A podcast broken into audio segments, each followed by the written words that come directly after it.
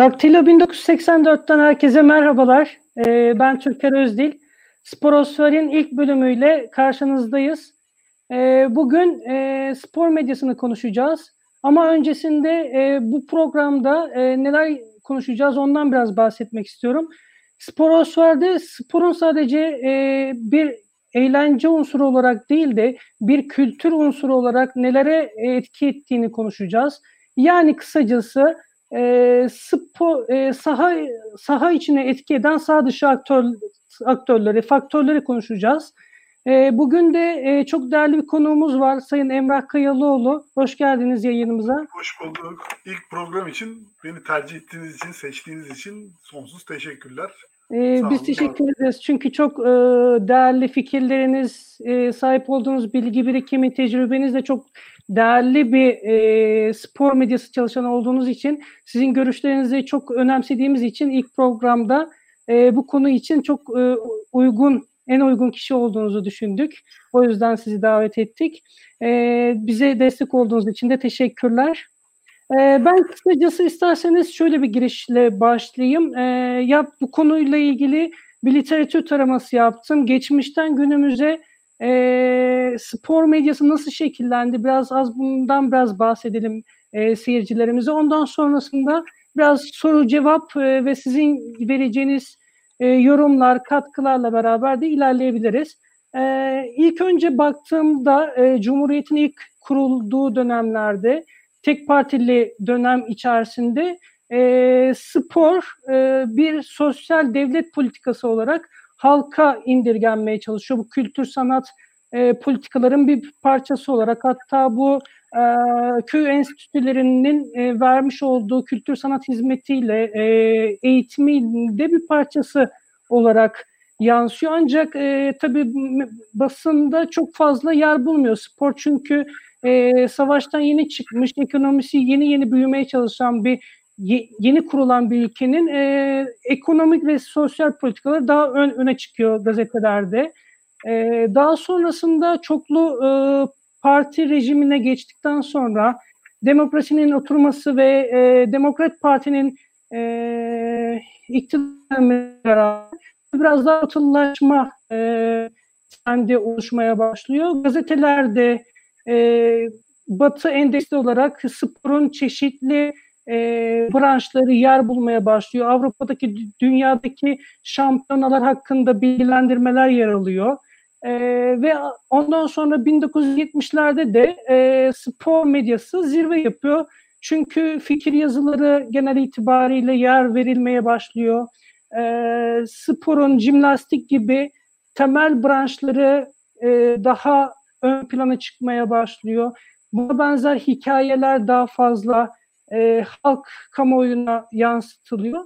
Ancak 1980'lerde e, ki darbeyle beraber biraz daha milliyetçi e, bir söylem almaya başlıyor. Özellikle spor basınında da böyle bir e, eğilim ortaya çıkmaya başlıyor. Bu milliyetçi söylem ve akımlar e, 1990'ların ortasına kadar devam ediyor. E, uluslararası e, şampiyonalarda e, rakiplerimize yen, yendiğimiz zaman e, ırkçılığa yakın başlıklar görmemiz mümkün oluyor. 1990'ların ortasında da televole etkisiyle biraz daha sporun eğlenceli magazinsel yönü vurgulanmaya çalışıyor. E, aslında bu biraz e, 2000'lerin e, ortasında kırılıyor ve 2000'lerin ortasından e, 2010'ların ortasına kadar bu e, gelişim süreci, spor medyasının gelişim süreci devam ediyor. E, ama 2010'ların e, 2010'ların e, başında dijitalleşme süreciyle beraber biraz daha e, dijital platformlar yükselmeye başlıyor. Şifreli yayıncılık yükselmeye başlıyor. Böyle böyle olunca da geleneksel medya biraz kan kaybetmeye başlıyor. İçerik bulmakta zorlaşıyor. E, 2000'lerin 2010'ların ortasından itibaren de e, geleneksel spor medyası biraz kan kaybetmiş oluyor. Şimdi e, Emrah Bey siz birebir uzun süreler e, spor medyasının içerisinde bulunan bir insan olarak bu süreci e, siz nasıl değerlendiriyorsunuz? İçerikler benzer benzer hale gelmeye başladı. Bir kısırlık söz konusu var mı? Ee, siz bu süreci nasıl değerlendiriyorsunuz? Ben önce merak ediyorum. Size sormak istiyorum. Tamam çok teşekkürler sevgili Türkiye Öztürk. Yani güzel bir özet tarihsel anlamda. Ama bazı yerlerine ek yapmak istiyorum. Onlar da şöyle ki e, yani bir kere spor medyasını e, ülkenin spora yaklaşımından ve medyanın içinde bulunduğu genel durumdan çok e, soyutlayamayız. Yani dolayısıyla demin anlattığın şeylere ek olarak şöyle bir e, düzenlemeyle devam edeyim istersen. E, Türkiye'nin spor politikası olarak tarihten belki öyle getirelim o zaman. Hı hı, hı hı. işte e, önce e, Türkiye İdman Cemiyetleri İttifakı, üstüne e, bir e, tek parti döneminde bir Türk Spor Kurumu denemesi kısa süren, sonra Beden Terbiyesi Genel Müdürlüğü e, ve e, ardından e, Spor Genel Müdürlüğü, Gençlik Spor Genel Müdürlüğü. Orada bir birliktelik bir süre, sonra tekrar ayrılma. İşte zaman zaman e, Spor Bakanlığı ayrı, zaman zaman Milli Eğitim Bakanlığı'nın altında. E, ama bugün itibariyle işte Gençlik ve Spor Bakanlığı ve Spor Genel Müdürlüğü gibi bir çatı. E, tabii bir yandan da e, Türkiye Milli Olimpiyat Komitesi kurumu var. E, spor Genel Müdürlüğü'nün altında olan federasyonlar var, bağımsız federasyonlar var. Bu işin e, spor teşkilatlanması tarafı. Şimdi burada tabii siyasetin buraya nasıl baktığı noktasında da e, Cumhuriyet'in ilk yılları e, dediğin son derece doğru, çok daha önemli, öncelikli konular var. E, ki ona rağmen Cumhuriyet daha işte daha e, yeni kurulmuş Türkiye Cumhuriyeti e, Paris Olimpiyatlarına e, bayağı bir sporcu gönderiyor. Çok ciddi bir sportif başarılar alınamıyor belki ama hani 11'i de futbolcu bu sporcular ama 20'nin üstünde bir sporcu katılımıyla e, gidiyoruz e, Paris Olimpiyatlarına. Yeni kurulmuş e, yıllar boyu bitmeyen savaşlardan çıkmış bir cumhuriyetin e, spora yaklaşımı açısından aslında değerli bir e, adımdır o. E, ama e, özellikle İkinci Dünya Savaşı'na doğru giden yıllar e, ve e, o süreçte hani Türkiye içinde de bir yandan Almanya yakını bir siyasi kanat, bir yandan işte diğer ülkelere daha yakın. Yani o kutuplaşmanın iki tarafı. Almanya yakın siyasi kanadın aslında bu spor yapılanmasında, teşkilatlanmasında etkin olduğunu söyleyebiliriz. Yani biraz işin bu beden eğitimi, beden terbiyesi ifadeleri bile belki orası kökenli. Evet. Ee, ama o sonuç e, oradan gelinen yıllarda 60'lardan sonra 5 yıllık kalkınma planları e, onun ikinci plandan itibaren spor içine giriyor bu planların. E, yani ikinci yılından değil pardon ikinci plandan itibaren e, giriyor ve e, spor ve siyasetin spora bakışı da oralarda biraz daha e, ayrıntılı bir şekilde şekillenmeye başlıyor. Bir yandan da tabii medyanın gelişimi var. Medyanın gelişimi içinde e, yani spor medyasını oradan ayıramayız derken zaten bağlayacağım nokta orası. E, yani medyanın ekonomik olarak çok kuvvetli olduğu, medyanın bağımsız olduğu, bugüne göre daha bağımsız olduğu, daha çok sesli olduğu, e, farklı farklı e, patronaj altında şekillendiği e, dönemler. Yani, e, yani bugün baktığında e, pek çok e, medya organı e, tek bir e, kurum altında e, bir e, hani çam ağacı misali diyelim e, öyle Evet. şekilleniyor. E, ama eskiden çok daha bağımsız, e, çok daha fazla sayıda bağımsız medya kuruluşları olduğu dönemlerde e, çok daha ciddi bir rekabet de var tabii o, o yıllarda. E, ve yani bugün hani içerik e, kısırlığının altında belki de öncelikle medyanın son dönemdeki yapılanmasının yattığını söylememiz lazım. Yani eskiden e, farklı farklı e, onlarca e, gazete sayabiliyorken e, bugün gelinen noktada e, dolayısıyla da onlarca muhabir sayabiliyorken bir kulüple Evet. ilgili Evet. e, bugün e, yani çok uzağa gitmeyelim.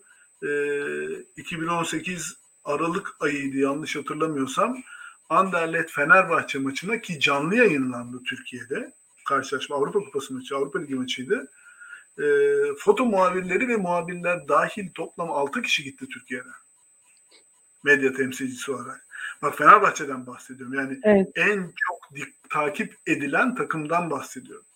Evet. Yani bu sayı aslında bugün e, yani hani içerik kısırlığından yakınıyoruz ya. Ki o muhabirlerin içinde bir tanesi bildiğim kadar foto muhabiriydi. iki tanesi televizyon muhabiriydi, iki tanesi de gazete muhabiriydi. Yani biri de canlı yayınlayan kanalın muhabiriydi bu arada. Yani zaten orada olmak durumunda yani. Tabii.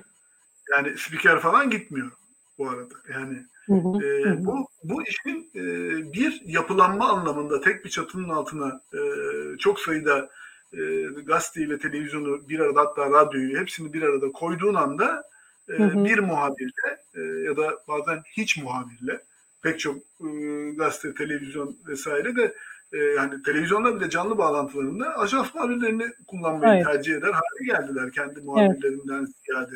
İş oralara kadar geldi.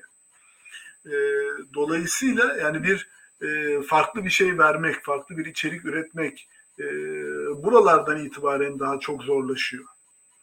E, yani Zaten o- kadar Aynı tip içeriklere zaten sahip olmalarının en önemli nedeni zaten o zaman ajans muhabirlerinden zaten e, bilgilerin alınması, çekilmesi.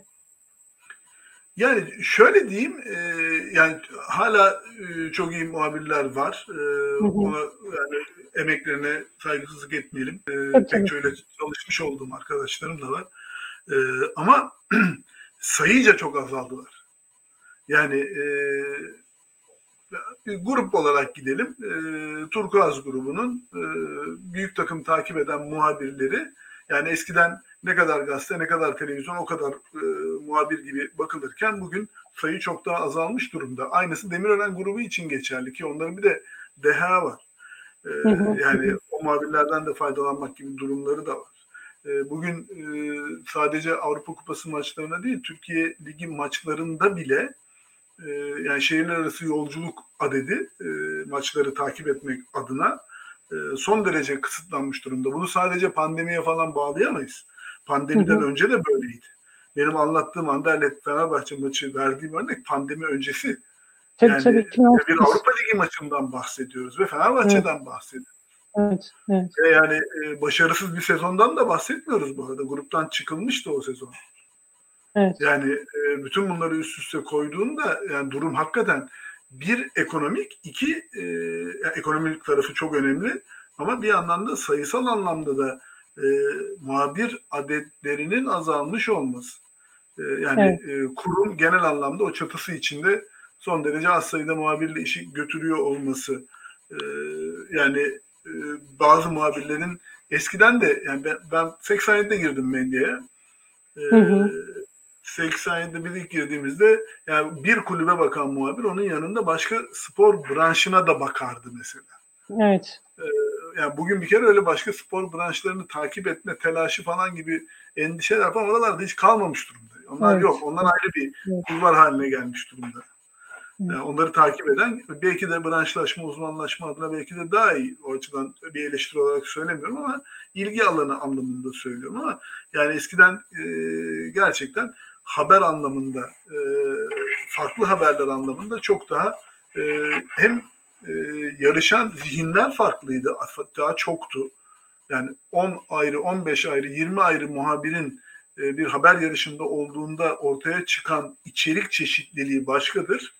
3 tane, 4 tane, 5 tane olduğunda başkadır. Bir de bu 3-4-5 tane olduğu bugünlerde kulüpler de e, kapılarını son derece kapatmış durumda. Bir de işin öyle bir gerçeği daha var. Bunun üstüne bir de onu eklememiz lazım. Tabii. Tabii. Ya bu o boyutu açık- düşünmemiz lazım. Tabii tabii basına açık antrenman neredeyse hemen hemen hiç olmuyor. Ee, Evet. Dediğim gibi bir takımla e, haber anlamında e, takıma yaklaşmanın, takımın içinden haber alır hale gelmenin en önemli e, anahtarı o takımla beraber yolculuk yapmaktır. Bugün e, eski günlerdeki gibi takımın uçağı, takımla beraber yolculuk gibi kavramlar artık yok, kalmadı öyle şeyler. Bayağı uzun zamandır kalmadı bu. Hı hı. Ee, yani şimdi takımların ayrı özel uçağı oluyor. O özel uçakla onlar kendileri yolculuklarını yapıyorlar ve e, yani hani muhabir erken gidebildiyse havaalanında karşılıyor. Bir zaman erken gidemiyor. Havaalanında bile karşılayamıyor. E, statta ya da otelde görürse görüyor ya da o otele de girmesi çoğunlukla yasak oluyor. E, hı. yani o zaman da zaten gitmesinin ne anlamı oluyor gibi bir soru da çıkıyor karşımıza.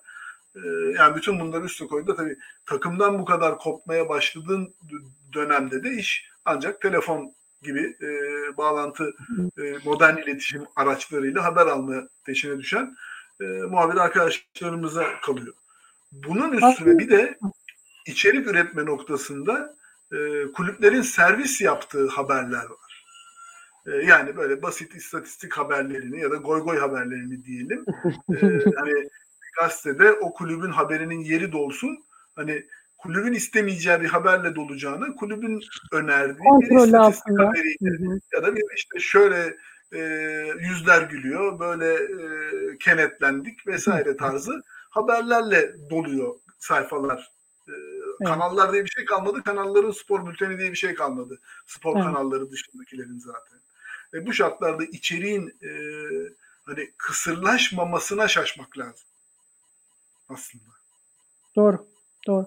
Aslında peki bunların pek çoğu aslında e, biraz hem yatırım, ekonomik, yatırımsal anlamda yani medya patronlarının e, olanak sunduğu olanaklarla da doğru orantılı da. Peki ama e, şunu şu boyuttan nasıl değerlendiriyorsunuz? Şimdi e, ister istemez e, tematik kanallar çoğaldıkça e, bu spor kanallarında yayın saati haliyle uzadı.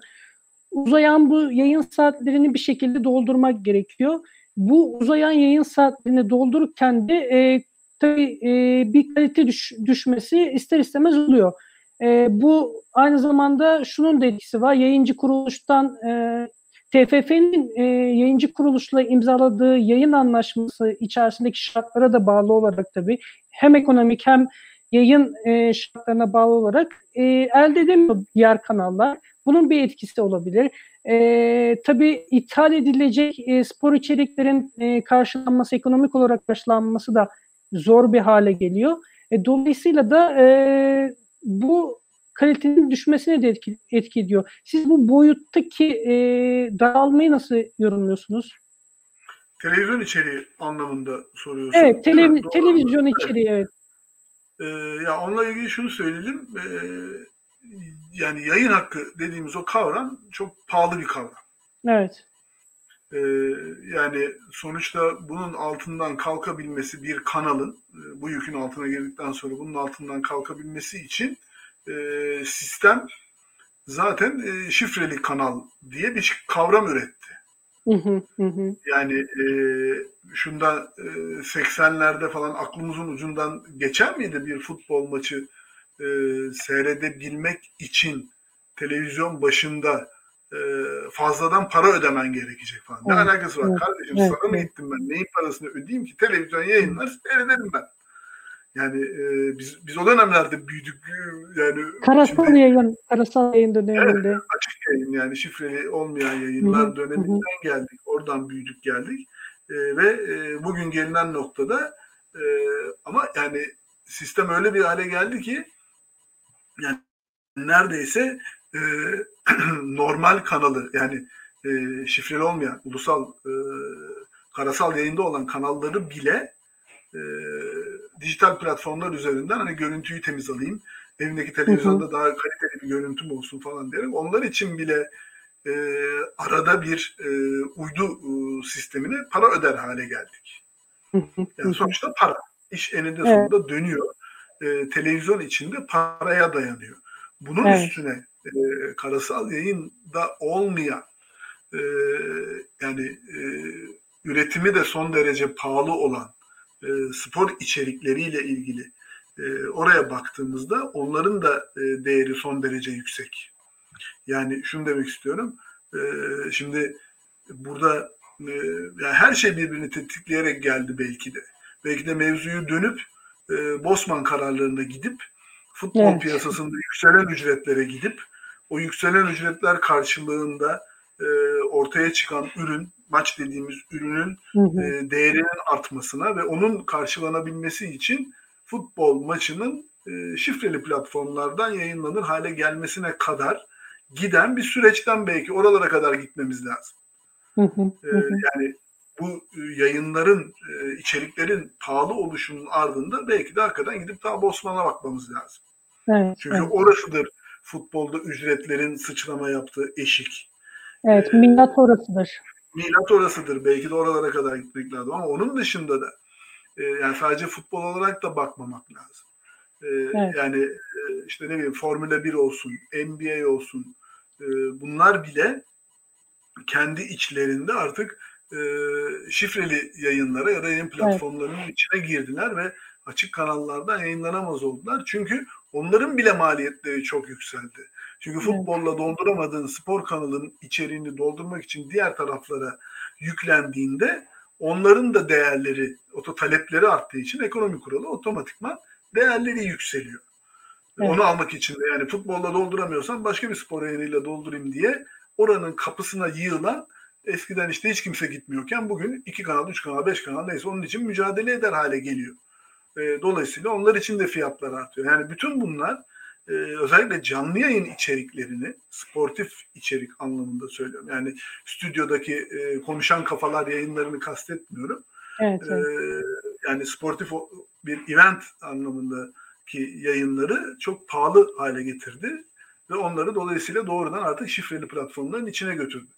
E, onlar oraya gidince geriye e, diğer kanallara e, bu spor yayınları süresini doldurabilmek adına ki orada da özet görüntüler bile o kadar pahalı ki e, iş döndü dolaştı tekrar e, stüdyolardaki o e, futbol sohbetli programlara döndü. Oralara yüklenmeye başladı mevzu. Artı yani e, bu yayın hakkı dediğimiz mevzu da öyle bir şey ki e, bu sene satın alıyorsunuz o görüntüyü. Ertesi sene kullanamıyorsunuz bile aynı görüntüler evet. üzerinden yorum bile yapamıyorsunuz. O yasak. Evet. Evet. O kadar e, kısıtlı e, bir mecranın içinde çalışmak zorundasınız. Ya da görüntü kaynağı içinde çalışmak zorundasınız. Bütün bunlar biraz alternatifsizlik yaratıyor. Bir yandan demin anlattığımız mevzuya paralel olarak e, haber dediğimiz unsurun da e, hem pahalı hem ulaşılması zor hale gelmesiyle birlikte e, mevzu dediğim gibi yani bunlar bir de 24 saat yayın yapan kanallar haline gelince e, oraları doldurmanın yolu e, mecburen bu bahsettiğimiz stüdyo programlarından geçiyor.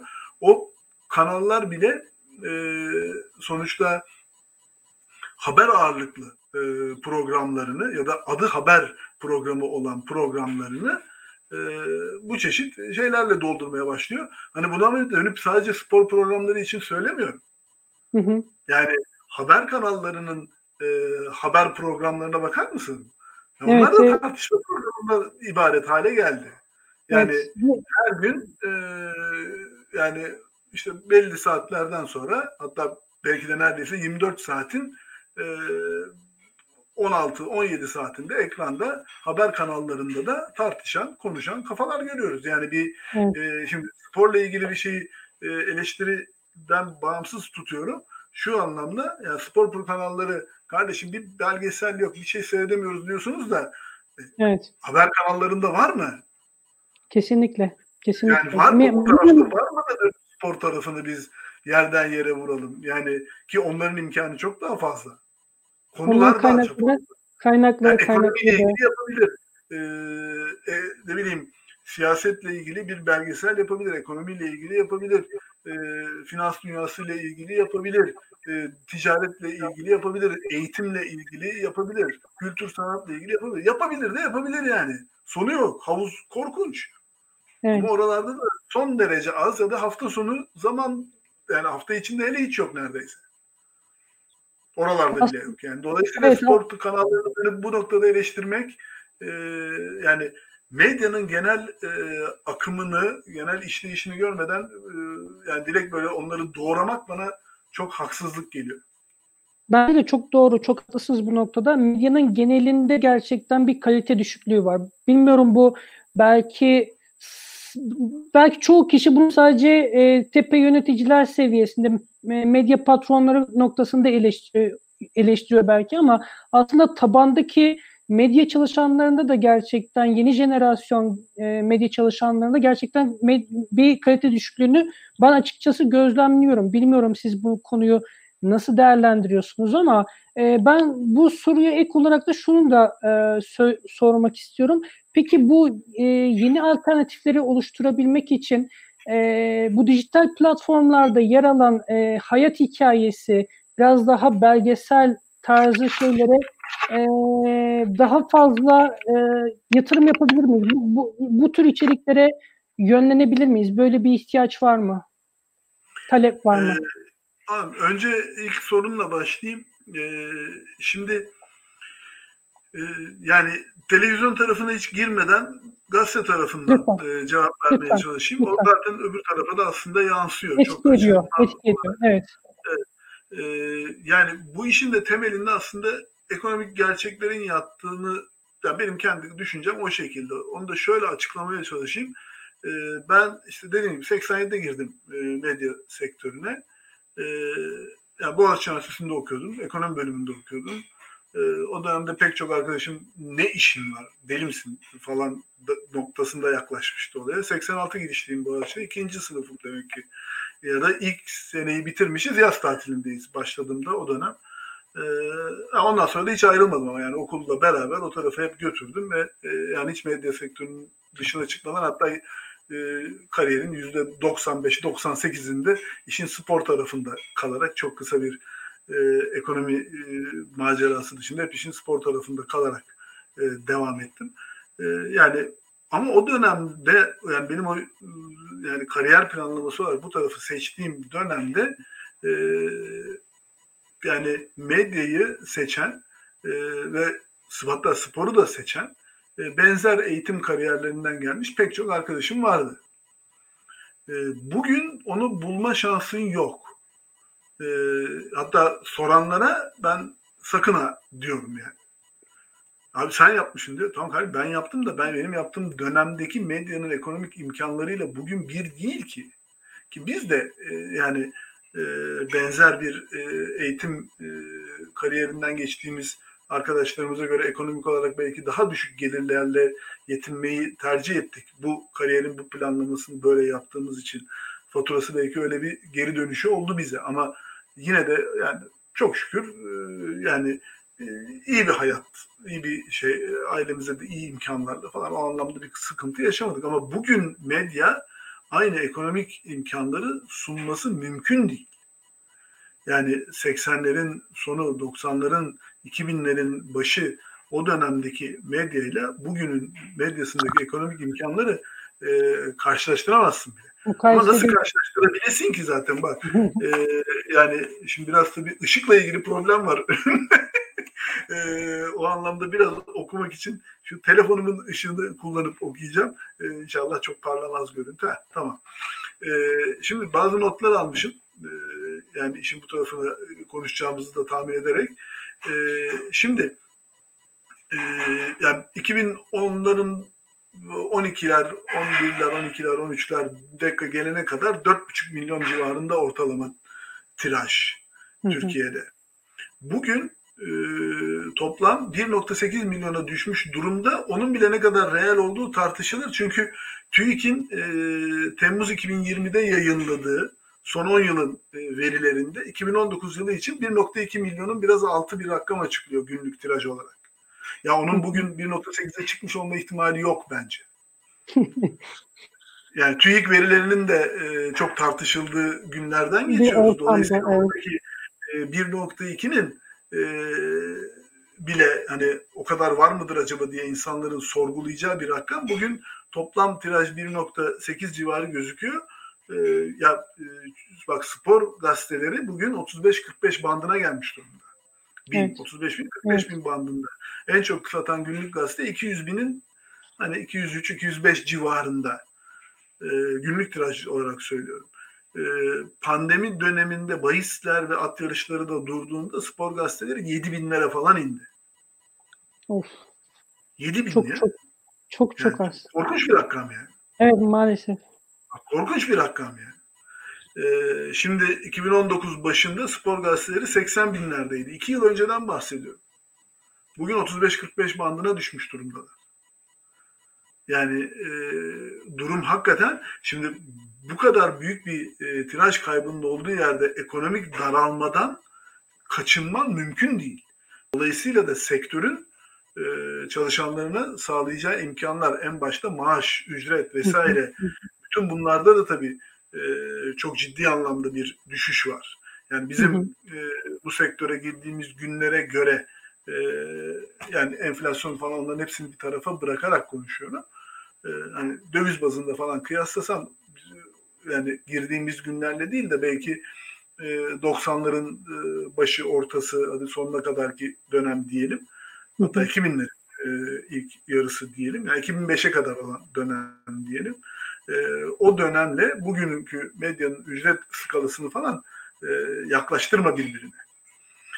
Ücret skalası bu kadar uçurumlaşmış haldeyken de yani eskiye göre e, eskiden yani bizim bu işe ilk döndüğümüz dönemde ilk bu, bu, bu yolu, yolu kariyer olarak benimsediğimiz dönemdeki benimle beraber e, benzer tercihlerde bulunmuş kişilerin eğitim kariyerleriyle bugün bu işi e, seçecek arkadaşların eğitim kariyerleri arasında yani dolayısıyla bir fark olması yani anormal değil bence. yani bunu ben sana yazılı basın olarak anlatmaya çalıştım dilim döndüğünce. E, televizyonda da çok farklı olduğunu düşünmüyorum. Aynen. Paralel ilerleyen bir süreç çünkü. Evet. Bir Peki şey aslında... konuştum. Ben bir şey atladım mı? Yok hayır. Şu, e, şu an zaten ikinci sorumdu bu ek, ek yaptığım kısımdı. E, buradan aslında bir başka soruya da yönlenmemiz çok e, doğal ve kolay olacak aslında. E, şimdi bu e, gelişim sürecinden bahsederken e, teknolojik altyapıların da etkisini yatsıyamayız. E, gelişen te, e, teknolojiyle beraber yayıncılık e, an, yayıncılık teknolojisi de bir değişim sürecine giriyor ister istemez. E, zaten gazetelerin bahsettiğimiz gibi düşen bu tirajlarının asıl nedenleri bu te, e, yayıncılık teknolojisinin geliş, değişmesi. Şimdi bizim medyamızın e, ana odak noktasında şu an son dakika haberciliği e, hakim. Ya biz ona bir alevli top yayıncılığı diyoruz. E, zaten şimdi gazeteye bu e, haber düş yani girdiğiniz zaman zaten e, tüketici bunu televizyonda, internette bir şekilde görmüş oluyor. Ya sen sadece gazeteye bunu bastığın zaman e, ikinci bir e, ikinci bir e, çekli çek kontrolden geçmiş oluyor sadece. E, yani bu tirajların da düşmesine e, neden oluyor? söz uçmuyor, yazı kalıyor. Gazetedeki yazı kalıyor. Arşive geçiyor yani. Evet, evet, Aslında. evet. Ya sadece ar- ar- sadece amaçlı bir e, basılmış bir, bir şey haline geliyor. Yani bir de, değer e, de, değeri kaybediyor. O gazetenin varlığı değerini kaybediyor. Siz bu süreci nasıl değerlendiriyorsunuz? Bu te- yayıncılık teknolojisinin gelişmesi de tabii kısırlaşmanın e, etki, et, en büyük et, etkenlerinden. Bu süreç e, bir geçici e, dönem mi yoksa yine bu şekilde e, devam edecek mi? Bir noktada kırılacak mı? Sizin düşünceniz ne yönde bu noktada? E, aslında bu dijital geçişi tam e, yaşayan kuşağım öyle söyleyeyim. Yani evet. e, hani öncesindeki o eski baskı, baskı teknolojileriyle de e, çalıştık. Hı hı. Çok kısa bir süre olsa da sonra dijital geçiş ve daha doğrusu daha böyle e, hani bilgisayarlara geçiş ondan sonra da işte tamamen dijitalleşmesi. E, yani bu süreci e, neredeyse hani kademe kademe yaşadık, takip ettik. E, hatta şöyle söyleyeyim e, yani gazetelerde e, yani o dönemleri hani anlatmak için söyleyeyim e, işte bu gece maçlarının e, şeye yetişmesi, baskıya yetişmesi furyası, o büyük eziyet. El aşağı, evet. E, hala devam ediyor mu bilmiyorum artık. Yani yazılı basından bir süredir kopmuş durumdayız ama e, yani muhtemelen hala o anlamda bir yatış, yetişme paniği vardır ama eskiden e, o maçla ilgili fotoğraf yok elinizde. E, yani biz şöyle çalışırdık o dönemde. Eski maçlardan yani iki takım arasındaki bir sezon önceki maçtan o maçta oynaması muhtemel yani daha doğrusu oynamama ihtimali olmayan oyuncuların bir ikili mücadelesiyle falan sayfa hazırlanır. E, siyahı dışındaki bütün renkleri bölgelere, bütün baskı yapılacak yerlere geçilir. E, sadece maçın sonucuna göre de siyah olarak yani işte şu kazandı, bu kazandı, yazılar bilmem ne falan maç biter. İşte 10 dakika 15 dakika sonra düğmeye basılır ve gazete dönerdi. Bütün Türkiye'de. Yani sadece İstanbul için değil. Bunu Anadolu'daki bütün o dönemde bir de bölge matbaaları falan gibi kavramlar da bugünden çok daha farklı. Çok daha fazla sayıda bölge matbaası var. Ee, ben o günleri yaşayan biri olarak söyleyeyim. Sonrasında e, bu dijital fotoğraf mevzusuyla ilgili e, bir gün işte yeni yüzyılda çalışıyoruz o zaman. E, bugün e, Paris'te Anadolu Ajansı'nın muhabiriydi en son. Tahmin ediyorum hala e, aynı görevdedir Mustafa Yalçın. E, çok iyi bir foto muhabiridir. E, o bir gün bu işi bize anlattı. Böyle böyle bir imkan var diyerekten. İbrahim Seten o zaman e, Yeni Yüzyıl'ın spor müdürü. Yapalım dedik. Ve yani ilk maçtan taze fotoğrafla taşla baskıları dahil e, dönen baskıyı dönen yani e, bayat fotoğrafla tampon fotoğrafla e, dönmeyen tamamen taze fotoğrafla dönmüş ilk gazeteyi yaptık. E, bayağı bir olay oldu. Ama tabii o teknolojik gelişmenin bugün geldiği nokta çok daha başka. Yani biz e, medya olarak maalesef bu dijitalleşmeyi e, medyanın medyanın içerik zenginleşmesi noktasında kullanmayı pek beceremedik. Maalesef. Yani ilk, ilk planda becerdik. Dediğim gibi yani o baskılarda vesairelerde oralarda çok hızlandık. Elimiz çok kuvvetlendi. E, taze fotoğraflara ulaşma noktasında çok hızlandık. Benzer bir şekilde e, yazıları da e, yine internet üzerinden geçmek, atmak, kullan, göndermek. E, sonrasında teknolojik olarak gazeteler e, o e, teknolojiyi işte baskılara, kalıplara dökerek oralarda da hızlandılar. E, bunu tabii kaçınılmaz olarak televizyonlar o üst teknolojiyle yayın kalitesini arttırmakta tabii ki kullandılar. E, ve bugün gelinen noktada ama e, dijital çağ e, o hızı yazılı basının içeriğini dediğin gibi çok hızlı ve çok önceden tüketir hale geldi. Burada yapılması gereken kaçınılmaz olarak aslında e, yani o farklı içeriği nasıl üreteceğin noktasında kafa yormaktı. Gazeteler adına söylüyorum. E, yani maalesef işin o tarafında da ekonomik olarak bu daralmanın içinde yakalandık. E, ve oraya kafa yoracak e, insanlar, o kalitedeki insanlar e, yavaş yavaş işin medya tarafından koptular. İşte halkla ilişkiler olsun, e, daha ekonomik İletişim olarak daha sektörleri. e, şey olabilecek sektörlere ya da kurumsal iletişimde oydu buydu falan diyerek oralara kaydılar. E, ve e, mevzu e, gazeteler için hakikaten e, bugün gelinen noktada e, yani 80 küsur milyonluk ülkede e, yani günlük tirajı 1 milyonun biraz yani işte 2019 ortalamasını TÜİK'in açıkladığı rakam 1.2 milyon değil. Hı hı, hı hı. 2020 Temmuz'unda TÜİK'in yaptığı e, işte 10 yıllık bir e, istatistik görselinden hareketle söylüyorum bu rakamı. Yani, yani dehşet bir durumdayız gazete tirajı açısından. Yani televizyon izlenirliğine dönüp baktığında da hani biz futbolu falan çok seviyoruz ya. Evet. e, ha, ona gelelim. Yani yayıncı kuruluş kıyameti koparıyor. İzlenim, izleyicim düşüyor, kaçıyor diye. Ee, pandemi dönemindeyiz. Stada gidip seyredemiyorsun. Pandemi dönemindeyiz. Yine aynı şekilde bir restorana, kafeye, kahvehaneye gidip seyredemiyorsun. Tek seyredebileceğin yer evin. Evet. Ee, onu da yani ya e, korsan yayın vesaire yöntemlerine kaçıyorsun hı hı, e, seyretmek için e, ya da hiç seyretmiyorsun bile. Çünkü hiç seyretmiyorsun bile de bir alternatif. Çünkü en son e, kupa maçlarına baktım. Son açık kanaldan yayınlanan. Hı hı. Beşiktaş ve Galatasaray maçları 5. oldu gün sıralamasında. Ki yani Süper Lig takımlarıyla oynuyorlar bu arada. Tabii tabii. Tabii tabii. Öyle bak yani. Fenerbahçe de ikinci oldu. Fenerbahçe Kasımpaşa'da hakikaten aslında yani şey maç yani seyredilir bir maç. Yani o bile iki, iki oldu yani. Bir olamadı yani. Açık kanal. Saat Evet, uygun. ücretsiz. Evet. Saat uygun. Akşam 8.30-9. Hatta en çok seyredilsin diye 20.45 gibi bir saate de konmuş. Yani insanlar bir de pandemi sebebiyle tamamen evlerinde. Hani o gün dışarıdayım, geziyorum, şuradayım, buradayım yok. Sokağa çıkma yasağı, ya kısıtlaması, yasağı demeyeyim. kısıtlaması var saat 9'dan sonra. Ya bak bu Sanırım bir ortamda Beşiktaş'ta Galatasaray'ın kupadaki maçları 5. oldu. Ne yazık ki. Artık tüketici de bir talep oluşturmuyor. Yani biraz da onun etkisi var herhalde. Yani canlı yayın bile, canlı maç yayını bile e, bir e, hani cazip bir program olmaktan çıkıyor mu acaba? Yani burada iş eninde sonunda senin o vurguladığın e, farklı içerik noktasına geliyor belki de.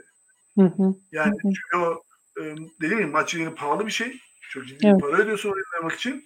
Ama tüketici e, hani onun bile belki e, bir tık farklı ne olabilir mi arıyor acaba içinde? Aslında ben burada şöyle yorumluyorum Emrah Bey. E, bizim maçlarımızın ya da bu canlı maç yayınların artık bir hikayesi kalmadı. İnsanlara bu hikayeyi anlatamadığımızdan dolayı dolayısıyla tüketim e, olumsuz yönde bir eğri gösteriyor. E, bu aslında yeni e, kuşak, e, yeni neslin geldiği, talep ettiği şeyler ve dijital platformlarda talep ettiği şeyler aslında baktığınız zaman hep hikaye endeksli. E, işte belgesellerde de bu, bu, bu böyle şekilleniyor. İnsanlar e, oyunun ya da o futbolcunun, o, o sporcunun bir hayat hikayesini bilmek, dinlemek istiyor. Biz bunu sunamıyoruz canlı yayınlarda. Ya bilmiyorum yani keşke Netflix açıklasa şu Jordan belgeseli işte sosyal medyada sorsa baksan herkes seyretti büyük hayranlıkla yani ama Evet. toplam izlenirliği kaç acaba? Yani toplamda kaç kişi seyretti Türkiye'de Evet. Jordan belgeselini? Evet.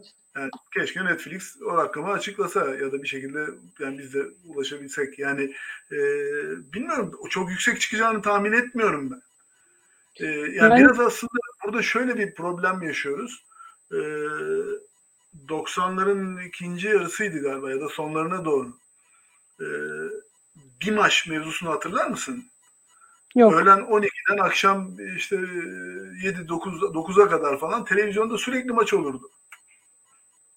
12'de başlardı. Kanallar ayrılmıştı. Her biri ayrı bir takımınkini almıştı falan. Yani bugünkü Hı hı. havuz sistemi gibi bir yayın şeyinin dışında bir maç ATV Kanal D ortaklığıydı. Ee, işte onlar bir gruptu. Öbür tarafta başka şeyler vardı. Maçlar böyle bir her yerde maç olurdu. 12'de başlardı yayın. Hı hı. Yayınlanan maçlar 12 falan da oynanıyordu. Yani ve orada yani e, resmen aslında bindiğimiz dalı kestiğimiz dönem belki odur. Hı hı. Maç enflasyonu. Yani toplum artık böyle dedi yani. Sonrasında Doygunluk işte şifreli kanallar, evet, sonrasında şifreli kanala dönüş falan. Şimdi Hı hı. e, yani Şampiyonlar Ligi çok güzel bir organizasyon. Hiçbir itirazım yok. Yani çok değerli, çok güzel bir organizasyon. Ama e, yani ne bileyim yani e, bir eskiden bir Barcelona Real Madrid maçı yılda iki tane olurdu. Hı hı. ligde olurdu işte hani kupada denk gelirse denk gelirdi. O bile seyredilmesi büyük olay olurdu ama bugün e, yani hep aynı takımlar o turlarda bir şekilde denk geliyorlar. İşte Paris Saint Germain giriyor, Bayern giriyor belli oluyor. Ama yani sonuçta 6-7 takım arasında dönüyor mevzu. E, ve Evet. o takımların birbirleriyle oynadığı maçlar bugün hafızalarda e, yani hani o maç 2017'deki miydi, 2015'teki miydi? Hangisiydi ya? Hani şu şuradan gidip şöyle bir eskiden ben onu böyle ezbere bildiğin şeylerdi. Bugün Evet. e, Yani- düşüyorsun. görüntü enflasyonu var karşında. Evet. Evet. Şimdi evet. bu pandemi döneminde e, yani her şey ara verildi ya, her şey durdu ya. Sonra Evet. Bundesliga 2 ile döndük spora. Evet. Hatırlıyorsun. Evet Ee, hatırlıyorum. Ben oturup ekran başında Bundesliga 2 maçında yani, yani nerede o sahada boş boş e, yani tavuklar koştursa onları seyredeceğim. O kadar özlemiştim yani. Evet. O futbol evet. sahasını görmeyi özlemiştim. Ve oturdum bir ara hakikaten Bundesliga 2 falan seyrettim yani. Ama yani bir şey de e, yani o kadar da iyi takip ettiğimiz bir yer değil. Hatta hiç takip ettiğimiz bir yer değil. Hani maça bakıyoruz, programa bakıyoruz, şunlar oynuyormuş. Onu çalışıyoruz. Oturduğumuzda karşısında bir şey anlayabilelim diye. Tabii tabii. Yani bir yandan da çünkü yabancıyız. Bilmemiz lazım. Ne, kim kimdir, nedir, ne oynar, ne yapar, ne eder. Ee, ama yani bugün e, yani bir dediğim gibi yani şimdi sonra ne geldi başımıza? O özlediğimiz futbolda bizi bir anda Temmuz Ağustos'ta öyle bir döneme girdik ki her gece ya Avrupa Ligi maçı seyrettik ya Şampiyonlar Ligi maçı seyrettik. Evet. Yani o Ağustos'u hatırla o e, bir Hı hı. şehirdeki Organizasyonun yığılma dönemini ve e, toplum tekrar o çok özlediği futboldan bir anda e, yani yine o aşırı dozu yiyince Uzaklaşmaya başlıyor. geldik, geldik yani. Evet, evet. Ee, ben e, süremizin yavaş yavaş sonuna gelir. Son olarak ben e, siz bu durumu nasıl tersine çevirebiliriz? Yani bu yaşadığımız içerik üretim kısırlığını nasıl tersine çevirebiliriz? Onu sormak istiyorum. Hani sizin e, bireysel olarak e, düşünceniz ne yönde? Yani biraz aslında bir şekilde e, özlememiz lazım öncelikle. E, Hmm. Yani bu kadar e, çok sunulduğunda önümüze e, yani ben mesela e, açık söyleyeyim e, yani belki de Süper Lig maçlarının e, bir kere e, içeriği e, bölmemiz lazım. Yani hem e, ana yayın hakkını hem özet yayın hakkını hem, Hem e, dijital yayın yayın- hakkını Hı hem yani aklına gelen bununla ilgili yapılabilecek her türlü tasarrufu tek bir kurumun eline vermemek lazım. Kesinlikle. Bunu bir kesinlikle kere bölmemiz lazım. Böylece farklı kanallara gittiğinde onların farklı içerik üretebilme imkanlarının olması lazım. Evet. E, Orada aslında bir içerik rekabetinin oradan başlaması lazım. Onun dışında belki e, Avrupa'da pek çok ligde artık gördüğümüz gibi Cuma Cumartesi Pazar gibi yayın haklarını oralarda da kanallara bölmemiz lazım. Dağıtmak, dağıtmak evet. Yani bir kere bu içeriği dağıttığımız zaman m, yani content anlamında dağıttığımız zaman onlar onun içinden farklı içerikler üretmeye belki de başlayacaklar. Evet, rekabet de yaratmış oluyorsunuz böylelikle. Yani, bir, yani en azından e, Süper Lig maçları için e, bunun olması gerektiğini düşünüyorum. Onun dışında e, yani medyanın, e, kanalların, yani özellikle spor kanallarının ve spor basının yani onların e, medyanın normal sürecinden çok farklı bir şekilde yani e, suyun akışını e, doğal halinin tersine çevirmeleri çok kolay değil.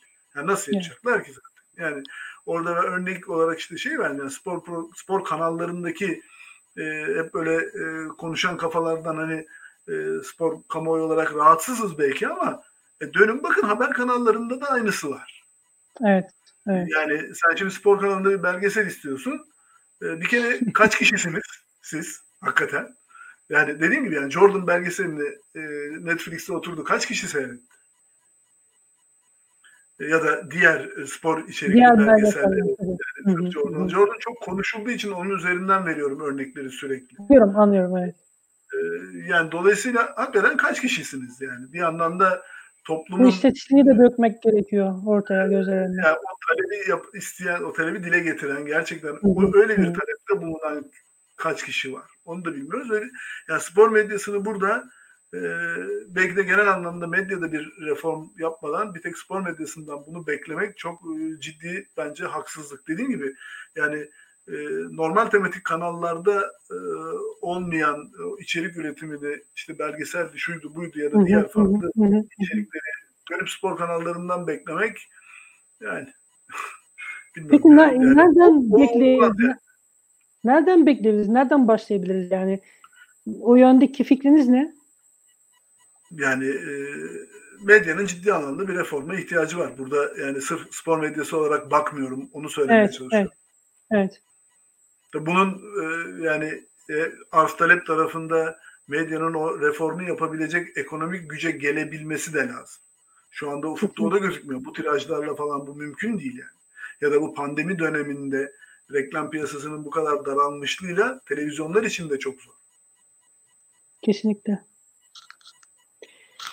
Ee, tamam o zaman ufaktan e, artık e, toparlayalım isterseniz. Zaten e, sizin de derbi yayını için e, Evet yavaş yavaş bu taraflara dönmemiz gerekecek radyoya dönmeniz gerekiyor.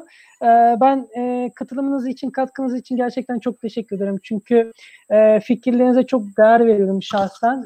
Sizi olun, burada sizi burada ağırlamak, birlikte sohbet etme imkanı bulmak gerçekten beni çok mutlu etti. O zaman seyircilerimize de veda edelim. O zaman biz haftaya pazarda yine burada olacağız. Daktilo 1984'te Sporosfer'i izlemeye devam edin. Haftaya görüşmek üzere. Hoşçakalın. Hoşçakalın.